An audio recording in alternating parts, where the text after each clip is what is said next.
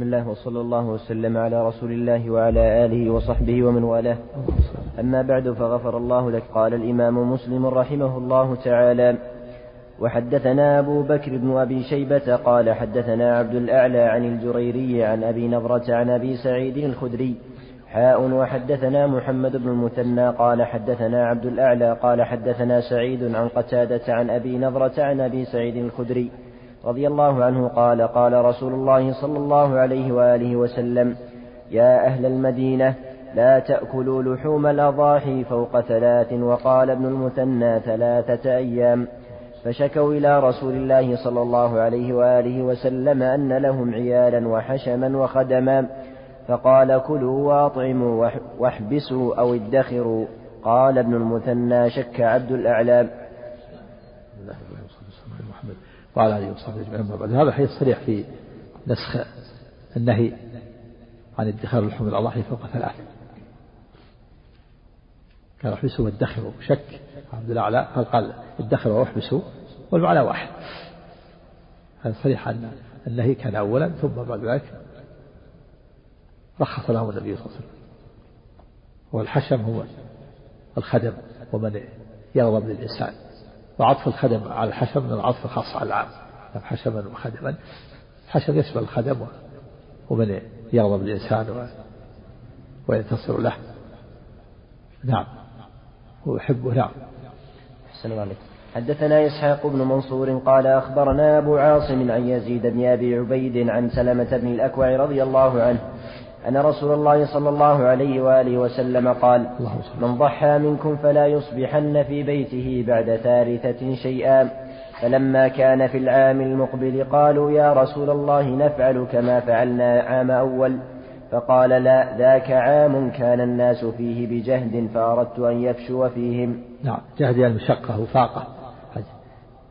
يشو ينتشر يشيع فيهم الناس. أن يوزع عليهم لحوم الأضاحي.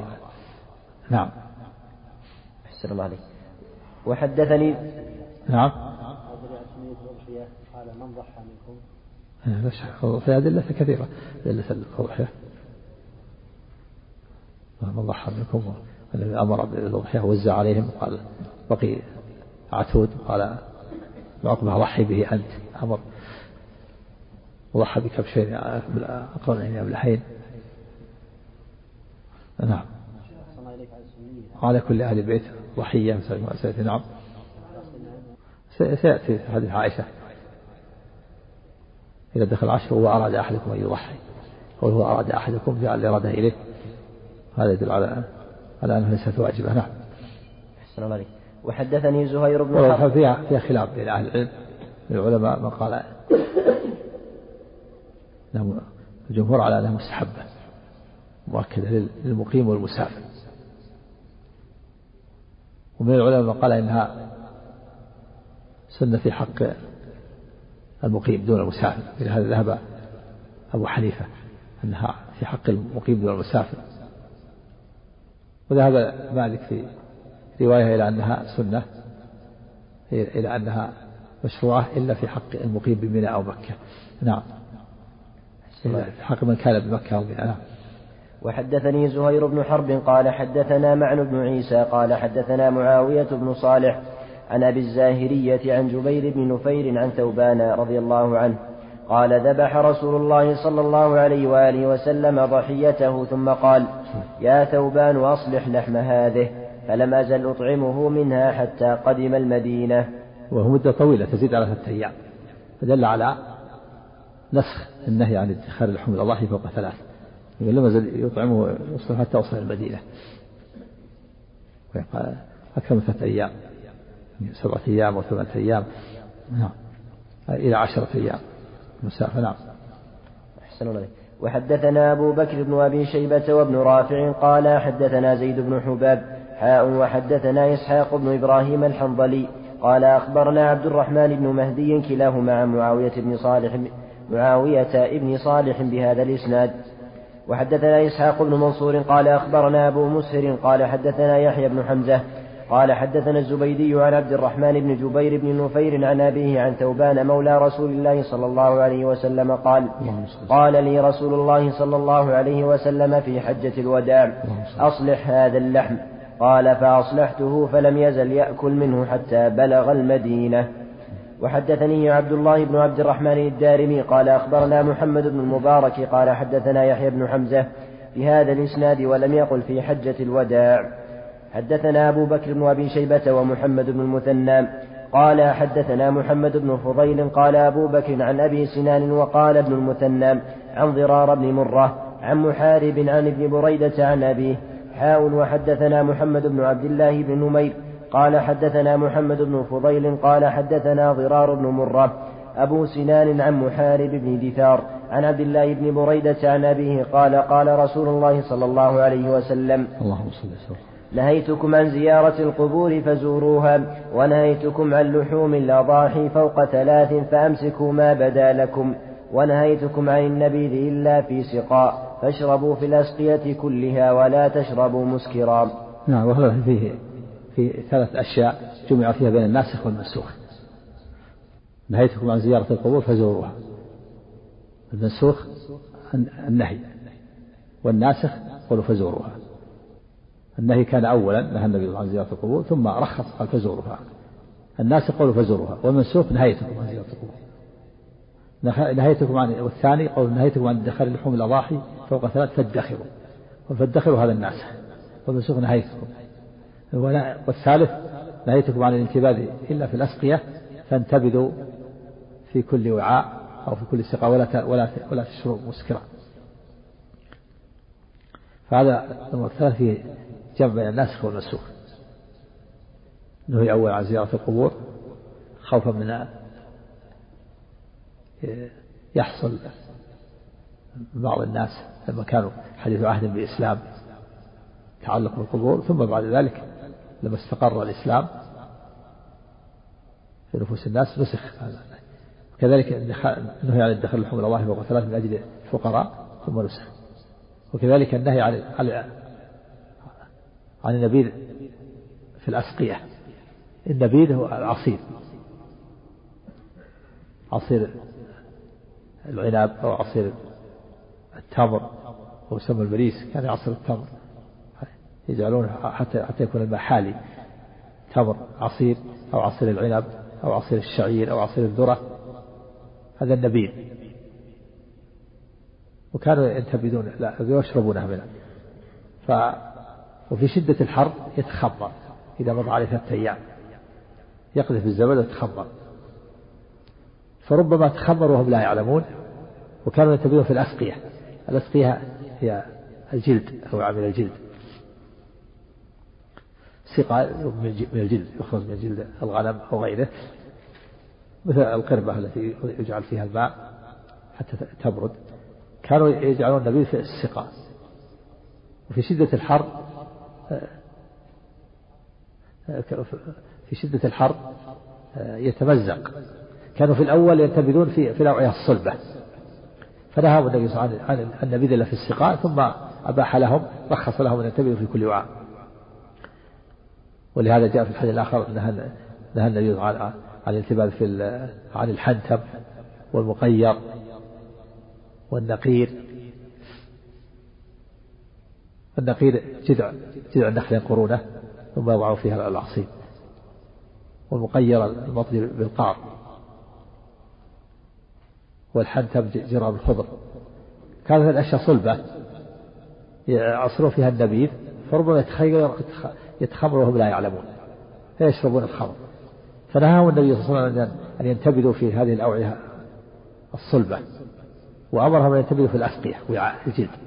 لأن الوعاء الجلد إذا صار فيه النبي ثم تخمر تشقق فعرف تمزق. يقذف بالزبد إذا في اليوم الثالث ويتخمر فيعرفون. فلما استقر الإسلام و في نفوس الناس وعلموا هذا الحكم أباح لهم النبي صلى الله عليه وسلم أن ينتبذوا في كل وعاء قال انتبهوا في كل وعاء ولا تشربوا مسكرا. انتبه في أي وعاء سواء مع صلب أو غير صلب لكن انتبه عليك ملاحظة تلاحظ تلاحظه فإذا أسكر فإذا تخبر يراق. وجاء في الحديث قال النبي صلى الله عليه وسلم كان ينتبذ له النبيذ فيشربه اليوم والغد. وفي اليوم الثالث يهريقه يعني يصبه أو يسقيه الخادم خشية أن يكون تخبر. هذا الأمور الثلاثة جمع فيها بين الناسخ والمنسوخ. فالناسخ أحيانا يعرف بقول الشارع قال كنت نهيتكم فزوروها. نهيتكم عن ادخار لحوم الأضاحي فادخروا. هذا الناسخ. نهيتكم عن انتباذ إلا في الأسقية في غير الأسقية فانتبذوا في كل وعاء وأحيانا يعرف بقول الصحابي نهينا عن كذا. ثم أذن لنا. وكقول جابر كان آخر الأمرين من رسول الله صلى الله عليه وسلم عدم الوضوء مما مست النار. أو ترك ترك الوضوء كان آخر الأمرين من الذي حديث جابر ترك الوضوء مما مست النار. هذا في بيان الناسخ والمنسوخ وأحيانا يعرف بالتاريخ إذا تعارض الحديثان ولم يمكن الجمع بينهما ينظر التاريخ فمتأخر ينسخ متقدم نعم. السابقة عن ثوبان قال ذبح رسول الله صلى الله عليه وسلم ها؟ ذبح إيش؟ أضحية نعم. في الرواية الأخرى قال قال لي رسول الله صلى الله عليه وسلم في حجة الوداع. أصلح هذا اللحم. قال فأصلحته. فلم يزل يأكل منه حتى بلغ المدينة. ذكرت ما أحسن الله إليكم فيه تصريح أن الرسول صلى الله عليه وسلم ذبح أضحية فوق الهدي في حجة الوداع. هذا يدل على جواز الأضحية فوق الهدي وذلك المسافر. نعم النبي صلى الله عليه وسلم ذبح أضحيته. ذبح رسول الله أضحيته ثم قال نعم هذا هو ظاهر هذا لأن هذا في حجة الوداع حتى وصلنا إلى المدينة. معروف أن هذا في حجة الوداع. وهذا من الأدلة على جواز الأضحية على على مشروعية الأضحية للمسافر وهو يؤيد مذهب الجمهور. أما أبو حنيفة يرى مشروعية الأضحية لغير المسافر المقيم خاصة. نعم. والجمهور يرون مشروعية الأضحية للمسافر والمقيم نعم. أحسن الله عليك.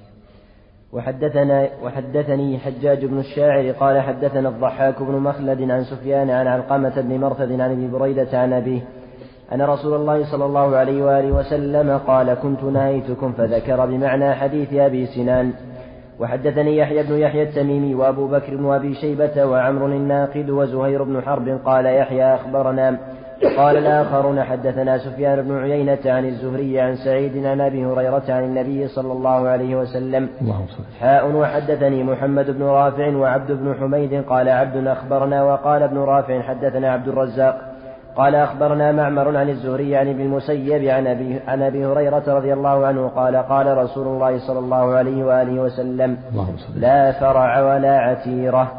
زاد ابن رافع في روايته والفرع أول النتاج كان ينتج لهم فيذبحونه. نعم. وهذا فيه نفي الفرع والعتيرة لا فرع ولا عتيرة الفرع أول النتاج.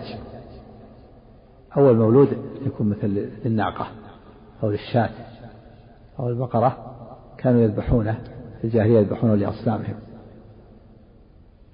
والعتيرة ذبيحة ذبيحة في رجب ولها الرجبية في العشر الأول. من من رجب. فالنبي نفاها قال لا لا فرع ولا عتيرة فدل على هذا الحديث فيه فيه نفي الفرع والعتيرة دل على على مشروعيتها. وأن كانوا في الجاهلية يذبحون أول بتاج الناقة ويتصدقون به. وكذلك ذبيحة فنهي عن ذلك.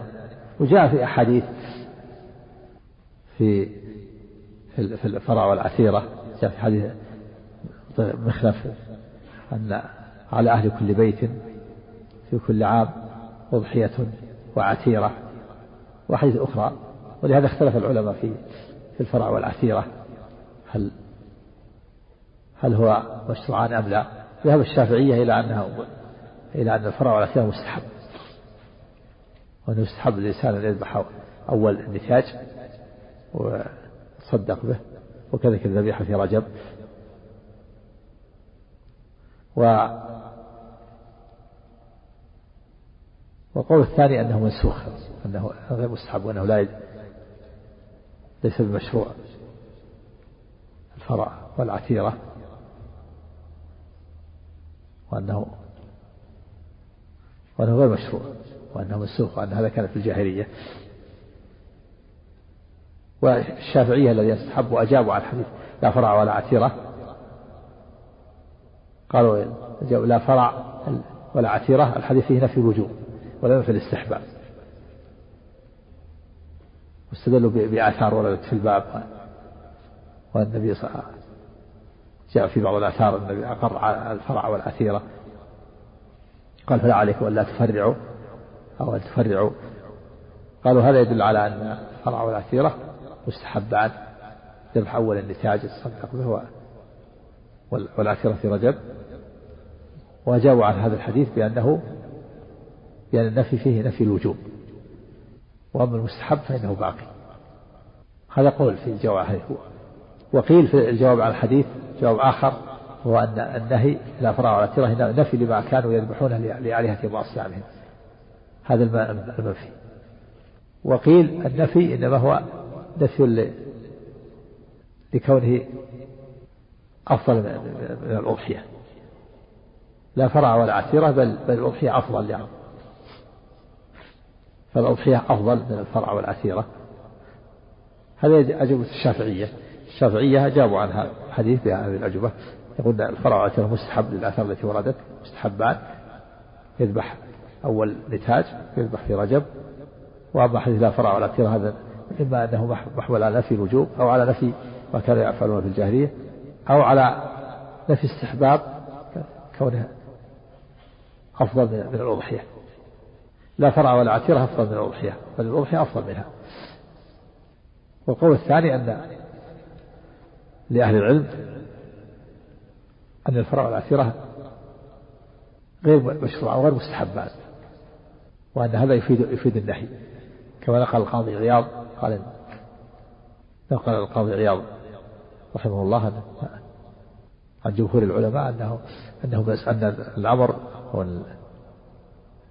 أن حكم هذا حكم منسوخ حكم الفرع والعتيرة وأنه منسوخ وأنه غير مشروعان وهذا هو الصواب. الصواب كما قال قاضي الرياض أنه لا يشرع الفرع والعتيرة وأجاب بهذا سماحة الشيخ محمد إبراهيم رحمه الله في الفتاوي قال وعندي أنهما محرمان الفرع والعتيرة يحرم أن يذبح في ذبيحة في رجب أو يذبح نتاج أول نتاج الناقة أو غيرها وأن هذا كان أولا ثم نسخ كما قال قال عياض رحمه الله.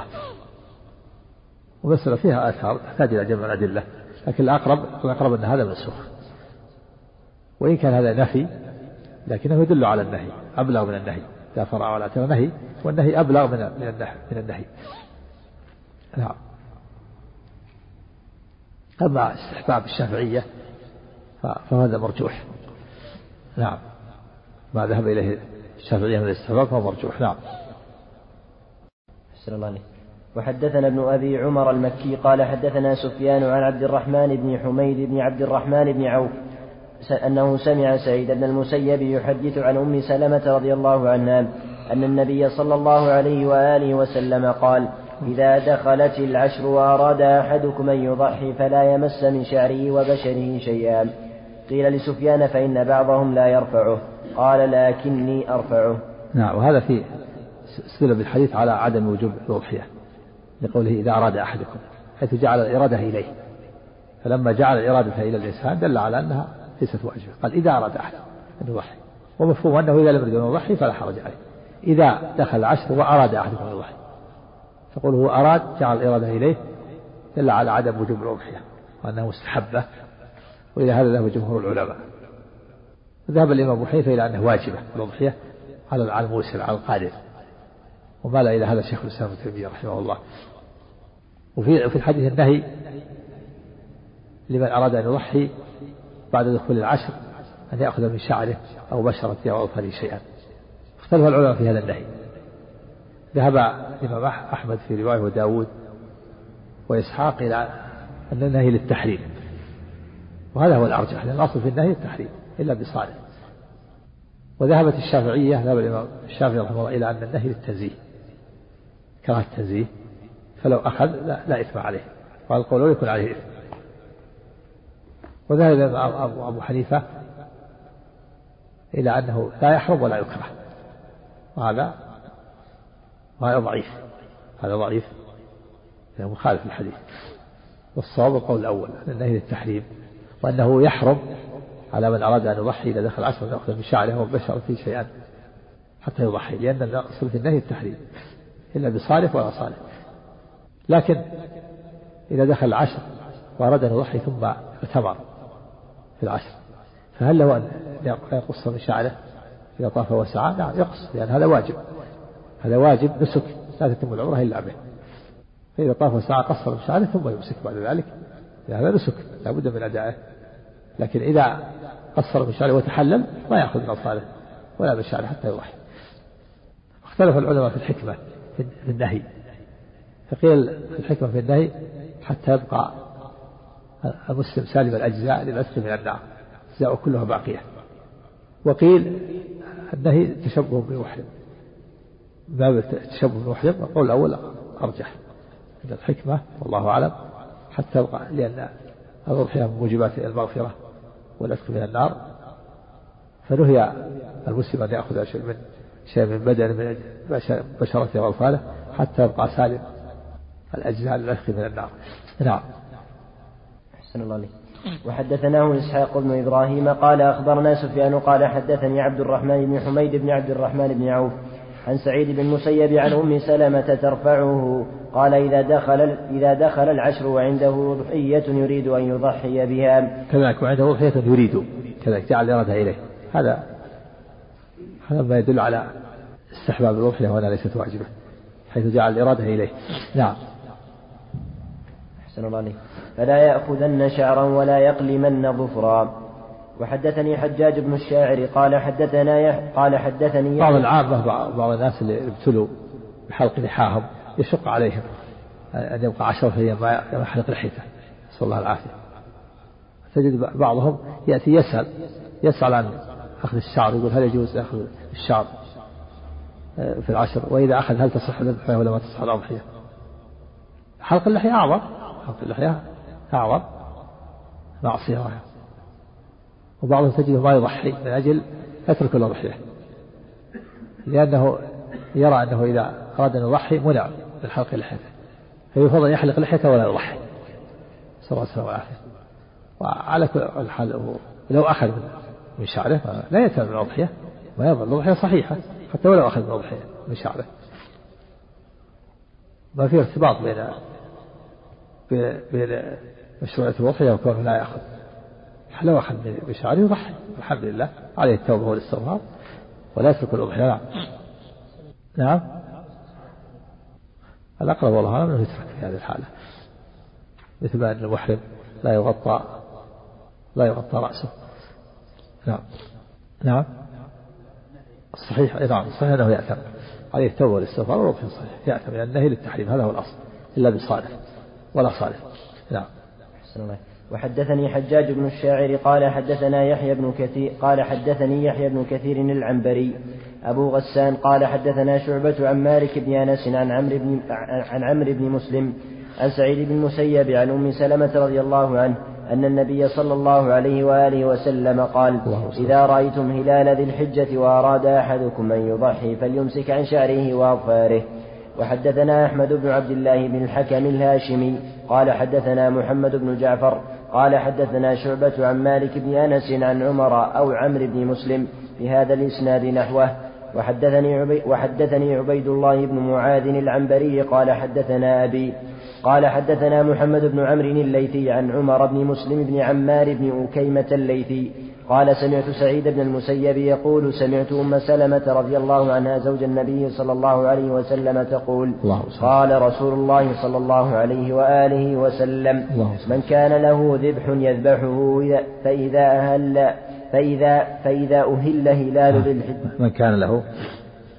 من كان له ذبح يذبحه فإذا أهل هلال ذي الحجة فلا يأخذن من شعره ولا من أظفاره شيئا حتى يضحي. فإذا أهل عليه ضبطه؟ أو فإذا أهل. فإذا أهل. شكلا أفضل ها؟ تكلم عليه. ضبطه شكلا فقط. لا هين الشكل ما عليه عمده شكل بعض الناس شكل على مزاجه. نعم. نعم. من كان له ذبح يذبحه فإذا أهل هلال ذي الحجة فلا يأخذن من شعره ولا من أظفاره شيئا حتى يضحي. يقول من كان له ذبح يعني حيوان يريد ذبحه. من أراد له ذبح. فحيوان يريد ذبحه. ذبح على الفعل كحمل وأحمال. ومن قوله تعالى وفديناه بذبح عظيم. يعني إسماعيل. بذبح. فدي إسماعيل بكبش من الجنة. كبش. هو الذبح. فذبحه إبراهيم مكانه. نعم. نعم. والصواب أن أن هذا اللي يخاطب بهذا هو المضحي فقط. أما زوجته وأولاده وإن كانت تضحية لأهل البيت فلا يمتنعون على الصحيح. أما قول الفقهاء من الحابلة وغيرهم إذا دخل وأراد أحدكم من أراد أن يضحي أو يضحى عنه فلا يأخذ من شعره أو شيئا فهذا اجتهاد منه قول يضحى عنه. فلهذا تجدهم على من يتمسك بالمذهب يقول أهل البيت كلهم يمتنعون الزوجة والأولاد. الفقهاء عبارة الزاد في الحنابلة يقول إذا أراد أحدكم أن يضحي أو يضحى عنه فلا يأخذ من شعره أو شيئا فزادوا أو يضحى عنه. اجتهاد. الرسول صلى الله عليه وسلم ما قال يضحى عنه. قال إذا دخل العشر وأراد أحدكم أن يضحي هذا خاص بالمضحي. أما المضحى عنه فلا حرج كالزوجة والأولاد. نعم. أحسن الله عليك. وحدثني الحسن بن علي الحلواني قال حدثنا أبو أسامة قال وعلى كل تسريح الشعر حتى حتى على قولها تسريح الشعر إذا سرحت بدون بدون مشط. لا بأس. تمتشط حتى المحرمة قال لعائشة وهي محرمة تشف والتشط مو معناه يعني تنقض الشعر بأصابعها وتشطب بأصابعها بدون مشط. أما مشط يقطع قطع الشعر. نعم. إذا سقط الشعر ميت ما يضر. نعم. وحدثني الحسن بن علي الحلواني قال حدثنا أبو أسامة قال حدثني محمد بن عمرو قال حدثنا عمرو بن مسلم بن عمار الليثي قال كنا في الحمام قبيل الأضحى فاطلع فيه أناس فقال بعض أهل الحمام إن سعيد بن المسيب يكره هذا أو ينهى عنه. فلقيت سعيد بن المسيب فذكرت ذلك له فقال يا ابن أخي هذا حديث قد نسي وترك. حدثتني أم سلمة زوج النبي صلى الله عليه وسلم نعم. قالت قال رسول الله صلى الله عليه وسلم نعم. بمعنى حديث معاذ عن محمد بن عمرو. نعم في الحمام يعني الماء الحار. الماء الحمام الحميم. الماء الحار. المراد بالحمام الماء الماء الحميم وهو الحار. فاطلع ناس يعني أزال شعر العانة بالطلاء وهو النورة. فقال قائل إن ابن يكره هذا كله. يعني ابن سعيد يكره إزالة شعر العانة في العشر الأول من الحجة لمن أراد أن يضحي. وليس المراد أن سعيد يكره يكره الإطلاع إزالة الشعر مطلقا والمراد يكره هذا يكره إزالة شعر العانة في العشر الأول إذا دخل العشر وأراد أن يضحي. قال يكره هذا يكره هذا لمن أراد أن يضحي يكره الإطلاع وهو إزالة شعر العانة سواء بالنورها أو بغيرها لأنه ممنوع من أخذ شعره لا من شعر العانة ولا شعر الشارب ولا غيره. نعم. السلام عليكم. وحدثني حرملة بن يحيى وأحمد بن عبد الرحمن بن أخي بن ابن أخي بن وهب قال حدثنا عبد الله بن وهب قال أخبرني حيوة قال أخبرني خالد بن يزيد عن سعيد بن أبي هلال عن عمر بن مسلم الجندعي أن ابن المسيب أخبره أن أم سلمة زوج النبي صلى الله عليه وسلم أخبرته وذكر النبي صلى الله عليه وسلم بمعنى حديثهم. نعم الجندعي يقال جندعي بضم الجيم وضم الدال وفتح الدال. جندعي وجندعي. نسبة إلى جندع بطن من ليل قبيلة ليل. نعم. نعم الكراهة. هذا الغالب. الله تكتب في التحريم وفي الكتاب والسنة أيضا. لما ذكر الله محرمات العظيمة قال كل ذلك كان سيء عند ربك مكروها. لما ذكر الزنا وحقوق الوالدين وتطفيف والقاتل قال كل ذلك كان سيء عند ربك مكروها. الحديث إن الله يكره قيل وقال وإضاعة المال وواجع البنات ومنع الوهات. هذه محرمات. نعم. السلام حدثنا زهير بن حرب وسريج بن يونس كلاهما عن مروان قال زهير حدثنا مروان بن معاوية الفزاري قال حدثنا منصور بن حيان قال حدثنا أبو الطفيل عامر بن واتلة قال كنت عند علي بن أبي, ابن أبي طالب رضي الله عنه فأتاه رجل فقال ما كان النبي صلى الله عليه وسلم يسر إليك؟ قال فغضب. وقال ما كان النبي صلى الله عليه وسلم يسر إلي شيئا يكتمه الناس غير أنه قد حدثني بكلمات أربع. قال فقال ما هن؟ ما هن يا أمير المؤمنين؟ قال قال لعن الله من لعن والده ولعن الله من والده ولا والديه. والده. طيب. والده؟ والده. نعم. لعن الله من لعن والده ولعن الله من ذبح لغير الله ولعن الله من آوى محدثا ولعن الله من غير منار الأرض. في اللفظ الآخر والديه. والديه جنس. الوالد جنس. يشمل الوالد والوالد جنس. المعنى واحد. اللفظ الآخر والديه. وهذا في الرد على الشيعة الرافضة من الشيعة الذين يزعمون أن أهل البيت خصوا بشيء دون الناس وأن النبي خصهم بالوصية وأنه أوصى إلى أئمة 12 يتولون الخلافة بعده وأن أهل السنة كتموا ذلك وارتدوا بعد وفاة النبي صلى الله عليه وسلم والصحابة ارتدوا وكفروا وأخفوا النصوص التي فيها النص على أن علي هو الخليفة. وولى أبو بكر زورا وظلما وبهتانا ثم ولى عمر زورا وبهتانا وظلما ثم ولى عثمان زورا وبهتانا وظلما ثم وصلت الخليفة أنه الأول. هكذا أعتقد الرافضة. هذا علي رضي الله عنه أفضل أهل البيت. لما سأل هذا الرجل هل ما كان النبي يسر به؟ غضب. قال ما ما عندنا شيء خاص ما ما في شيء خاص. ما كان يسر شيئا يخصنا به دون الناس. إلا أن هذه الكلمات وفي اللفظ الآخر ما في هذه الصحيفة. وأو صحيفة فيها العقل وفتاك الأسير وألا يقتل مسلم بكعب هنا غضب علي رضي الله عنه. غضب قوله ما هو الشيء الذي يسر لهم؟ قال ما يسر لنا شيء.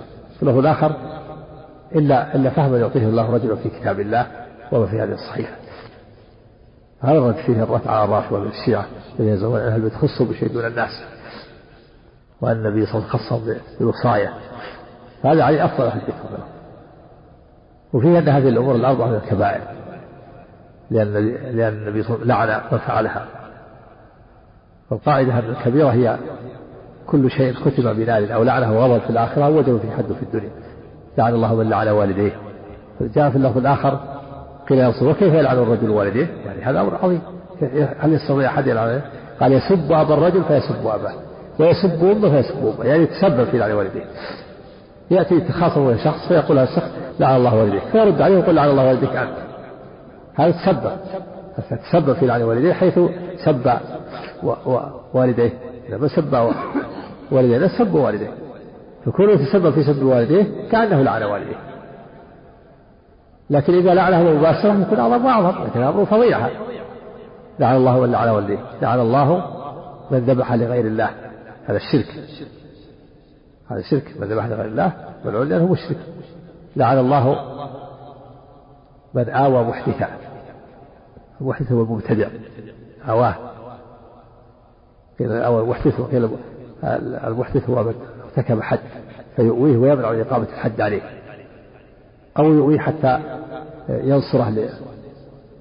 حتى تنتشر هذه البدعة من آوى محدثا حدث محدث يعني لأن أحدث حدث في الدين لأنه ارتكب ما يوجب الحد فمنع من إقامة الحد عليه وأواه أو آواه محدثا لأنه مبتدع.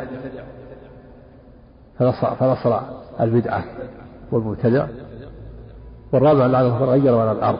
فالمراد منار الأرض المراسيم التي بينك وبين جارك. تفصل بينك وبين جارك الحدود. يغير البرسام ويؤخره حتى يأخذ زيادة من أرض جاره. قدمه مثلا كم متر يأخذ يأخذ الحق إجالة هذا ملعون غير من الأرض. وكل مرض من العلامات التي في الطرقات التي يستدل بها المسافرون على الطرق فيزيلها حتى يظل المسافرون. يشمل هذا وهذا. فمن غير الأعلام التي وضعت للمسافرين لمعرفة الطرق أو غير المراسيم التي بينه وبين جاره حتى يأخذ من جاره شيئا من الأرض. وهذا ورد في الحديث الآخر. من ظلم قيد شبر من الأرض فوقه يوم القيامة من سبع أراضي نعم. وحدثنا أبو بكر وابي شيبة قال حدثنا أبو خالد الأحمر سليمان بن حيان عن منصور بن حيان عن أبي الطفيل قال قلنا لعلي بن أبي طالب رضي الله عنه أخبرنا بشيء أسره إليك رسول الله صلى الله عليه وسلم. قال ما أسر إلي شيئا كتمه الناس ولكني سمعته يقول لعن الله من ذبح لغير الله ولعن الله من آوى محدثا. ولعن الله من لعن والديه ولعن الله من غير المنار.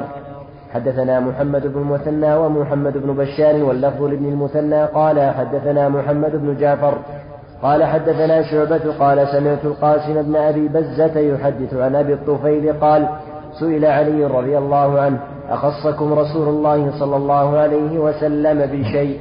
فقال ما خصنا رسول الله صلى الله عليه وسلم بشيء لم يعم به الناس كافة. نعم الشريعة عامة.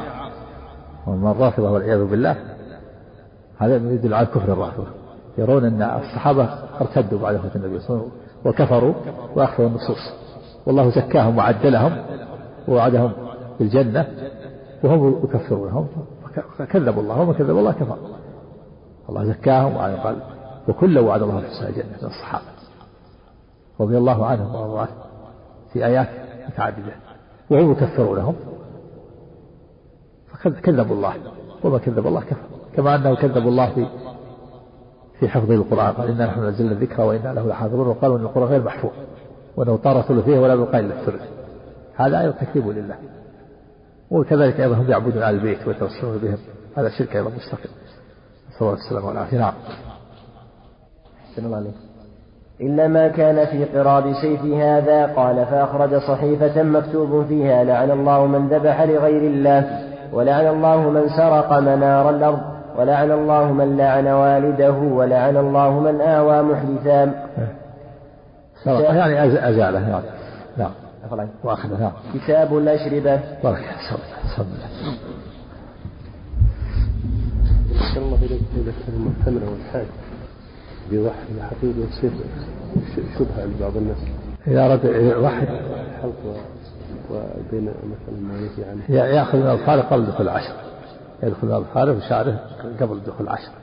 فإذا خاص يمسك وإذا اعتبر يطاف ساعة قص يعني نسك من نسك من مناسك العمرة لا بد منه ولا تتم العمرة إلا به. استثنى هذا. نعم.